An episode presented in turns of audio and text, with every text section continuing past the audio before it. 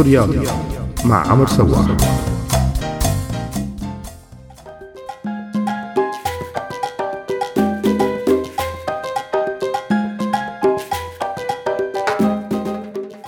نظريات المؤامرة مثل ما شفنا مع عزة وهمام منتشرة بكل النواحي الحياتية وأكيد نظريات المؤامرة منتشرة حتى بعالم الرياضة. واليوم بسورياضي رح استعرض بعض هاي النظريات. أول هي النظريات يلي رح نحكي عنها اليوم هي التحالف الإسكندنافي ضد الطليان ببطولة يورو 2004 فبالمجموعة اللي كانت بتضم إيطاليا مع السويد والدنمارك وبلغاريا حققت المنتخبات الثلاثة الكبيرة فوز على بلغاريا. بالوقت اللي تعادلت إيطاليا مع السويد والدنمارك فصار مع الطليان خمس نقاط مقابل أربع نقاط لكل من السويد والدنمارك يلي كانوا رايحين لآخر مباراة. يعني إذا تعادلوا راح يكون عندهم نفس النقاط مع الأتزوري. كانت القوانين بوقتها بتعتمد على فض التعادل لصاحب أكبر عدد من الأهداف من مواجهات مباشرة بين الفرق المتساوية بالنقاط. كانت نتيجة التعادل بهدفين أو أكثر بين الدنمارك والسويد. بتأهلهم للدور الثاني وبتبعد إيطاليا. وهذا اللي صار فعلا خلال هي المباراة. كانت السويد متقدمة بهدفين مقابل هدف لحتى الدقيقة 90 بعدها ارتكب حارس السويد خطأ وسلتت الطابة من إيده ليسجل الدنمارك هدف التعادل بلقطة كتير مثيرة للجدل. بتأكد على وجود اتفاق بين المنتخبين على إقصاء إيطاليا من البطولة. المؤامرة الثانية واللي بيسموها خطة كوندور واللي خلت الأرجنتين تحرز لقب المونديال الأول. كانت اتفاق سياسي بين حكومتين ديكتاتوريتين وكانت أكبر بكتير من مجرد مباراة بل طالت كل البطولة. بطل هي المؤامرة هو الدكتاتور الأرجنتيني خورخي فيديلا يلي كان حاكم الأرجنتين بهديك الفترة بالحديد والنار. كانت الأرجنتين هي مستضيفة البطولة ولازم تفوز لتبيض سمعة الدكتاتور شي بيشبه اللي عم يعمله نظام بشار الأسد اليوم بس للأسف حتى مع الرشاوي اللي عم يقدمها النظام. لك حتى إيران ما عم ترضى تعطيه هدايا سياسو رياضية. المهم نرجع لموضوع الحلقة. هاي البطولة شهدت كتير من فضايح فانحكى عن ظلم تحكيمي تعرضت له فرنسا بمباراتها مع الأرجنتين بالدور الأول.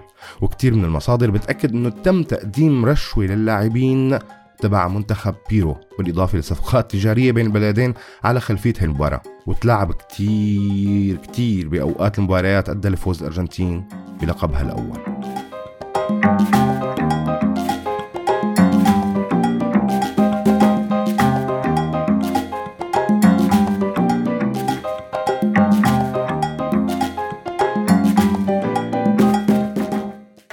منروح من الأرجنتين للمغرب.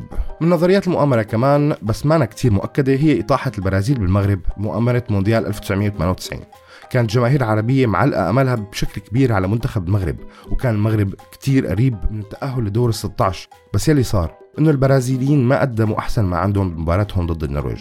المغرب خلصت مباراتها ثلاثة برصيد أربع نقاط بالفوز على اسكتلندا والتعادل مع النرويج والهزيمة من البرازيل. أما البرازيل فكان برصيدها ست نقاط. وآخر مباراة مع النرويج كانت مجرد تحصيل حاصل بالنسبة لهم المغرب كان منتظر فوز البرازيل أو التعادل على أقل تقدير. بس هون تطلع المؤامرة. لما خسرت البرازيل بهدفين مقابل هدف رغم الفرق الكبير بين لاعبي البرازيل والمنتخب النرويجي. وما في تأكيدات كبيرة على وجود رابط بهاي المؤامرة بالذات. فممكن يكونوا البرازيليين ببساطة عم يريحوا مثل ما ريحوا بمونديال جنوب أفريقيا قدام ألمانيا بالمجزرة الشهيرة. المؤامرة الأشهر والمؤكدة هي توديع الجزائر للمونديال بإسبانيا عام 1982 القصة بلشت لما كسر منتخب الجزائر ألمانيا وانتصر بهدفين مقابل هدف ورد على كتير من السخرية تبع لاعبين ألمانيا قبل المباراة بس بعد هيك خسرت الجزائر قدام النمسا بس هزمت التشيلي بثلاث أهداف مقابل هدفين وكانت آخر مباريات المجموعة بين النمسا اللي رصيدها ست نقاط وألمانيا اللي عندها بس ثلاث نقاط. من فوزها على تشيلي.